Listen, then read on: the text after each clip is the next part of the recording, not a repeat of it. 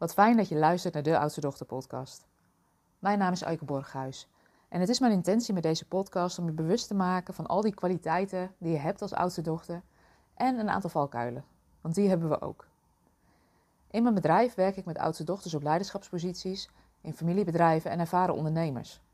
En in deze aflevering wil ik het graag met je hebben over: wil jij je ook niet vastleggen? En ik neem je even mee in wat er van de week gebeurde in mijn eigen leven. Een tijd geleden ben ik lid geworden van de sportschool omdat ik merkte dat mijn schouders en mijn rug regelmatig toch best wel vast zaten. En dat alleen wandelen niet genoeg was om lekker in mijn lijf te blijven zitten. En van de week probeerde ik me in te schrijven voor de yogales naar wens in de app van de sportschool. En ik merk aan mezelf dat ik geïrriteerd raak omdat alle yogalessen in de avonden en het weekend zijn volgeboekt. Alweer. Het is de zoveelste week op rij dat ik me niet kan inschrijven voor de lessen die ik graag zou willen volgen. En ik merk aan mezelf dat ik gefrustreerd raak. En nu weet ik bij mezelf dat als ik gefrustreerd raak, dat dat eigenlijk geblokkeerde levensenergie is. Maar wat ik ook zou kunnen doen in plaats van gefrustreerd te raken, is dat ik ook een lichtje zou kunnen zien branden. Want het is vaak zo als iets één keer gebeurt, dan is het een incident. Gebeurt iets twee keer, dan is het toevallig. En gebeurt iets drie keer, dan is het een patroon. Wat maakt nu dat er iedere keer geen plek voor mij is in de, yogales die ik wil volgen? Mijn eerste reactie is om de sportschool de schuld te geven. Ze bieden gewoon veel te weinig lessen aan als iedere les is overtekend. Ze zouden gewoon meer lessen moeten aanbieden als er zoveel mensen zijn die willen, lessen willen volgen, want dan kan iedereen zich gewoon aanmelden. Tegelijkertijd stel ik me daarna ook de vraag: wat maakt nou dat ik me niet op tijd inschrijf voor de les en daardoor wel mee zou kunnen doen? Als ik heel eerlijk naar mezelf ben, betrap ik mezelf erop dat ik mezelf niet wil vastleggen. Ik hou ervan om mijn opties open te houden en daardoor schrijf ik me niet in. Ik hou ervan om in het moment zelf te kunnen beslissen: heb ik zin om naar de yogales te gaan? Dan wil ik me aan kunnen melden. als ik zin heb om te gaan wandelen, wil ik mijn wandelschoenen aan kunnen doen en naar buiten gaan. Je opties open houden voelt vrij en tegelijkertijd schuilt er ook een valkuil in. En ik herken het niet alleen bij mezelf, maar ook bij veel oudste dochters.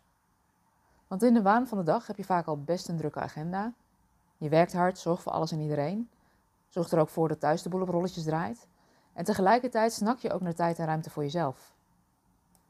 Omdat je al druk bent, voelt je vastleggen tussen haakjes op die andere momenten als iets wat er ook nog bij komt. De valkuil van je niet e- intekenen of geen commitment aangaan met jezelf, is dat je vervolgens de ruimte niet hebt om iets te doen wat goed is voor jou. Die tijd en ruimte die lekt weg. Je denkt dus dat je vrij bent door je niet vast te leggen, maar door je niet vast te willen leggen ben je tegelijkertijd helemaal niet zo vrij. Zo kan ik al ruim een maand niet naar de yogalessen die ik wil volgen, omdat ik te laat ben met intekenen. En dan vraagt het voor mij veel meer discipline om toch te gaan sporten. Dus, je bent nu getuige, deze week, zometeen, ga ik me wel op tijd inschrijven voor de yogales, zodat ik die tijd en ruimte voor mezelf in ieder geval wel geregeld heb. Stel jezelf maar eens de vraag, hoe is dat voor jou?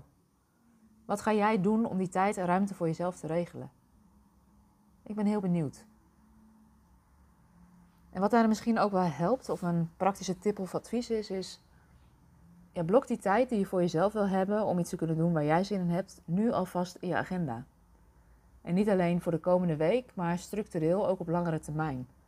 Want op die manier wordt het makkelijker voor jezelf om um, ook echt die dingen voor jezelf te gaan doen. Als die afspraak met jezelf niet in de agenda staat, dan is de kans groot dat je die tijd weggeeft of weg laat lekken aan ja, vragen van anderen of de agenda van anderen. In deze podcast heb ik het er kort met je over gehad over waarom je je misschien niet zou willen vastleggen. Voelt vrij, is het misschien ook niet. En wat het je oplevert om dat soms wel te doen als het gaat om keuzes die goed zijn voor jou. Nu heb je natuurlijk altijd de keus om ook nee te zeggen tegen de dingen die niet goed zijn voor jou. Dus als je een vraag krijgt van iets of iemand die iets van je wil, weet ook dat je altijd het besluit mag nemen om nee te zeggen. Nee te zeggen tegen een ander, zodat je ja kan zeggen tegen jezelf. En misschien wel de yoga les gaat doen. Hiermee wil ik deze podcast afronden. Het was een korte en hopelijk een krachtige met een ja, misschien wel waardevolle les voor jou. Ik neem hem in ieder geval mee. Ik ga me weer inschrijven voor de yogalessen. En ehm, graag tot een volgende aflevering. Fijne dag!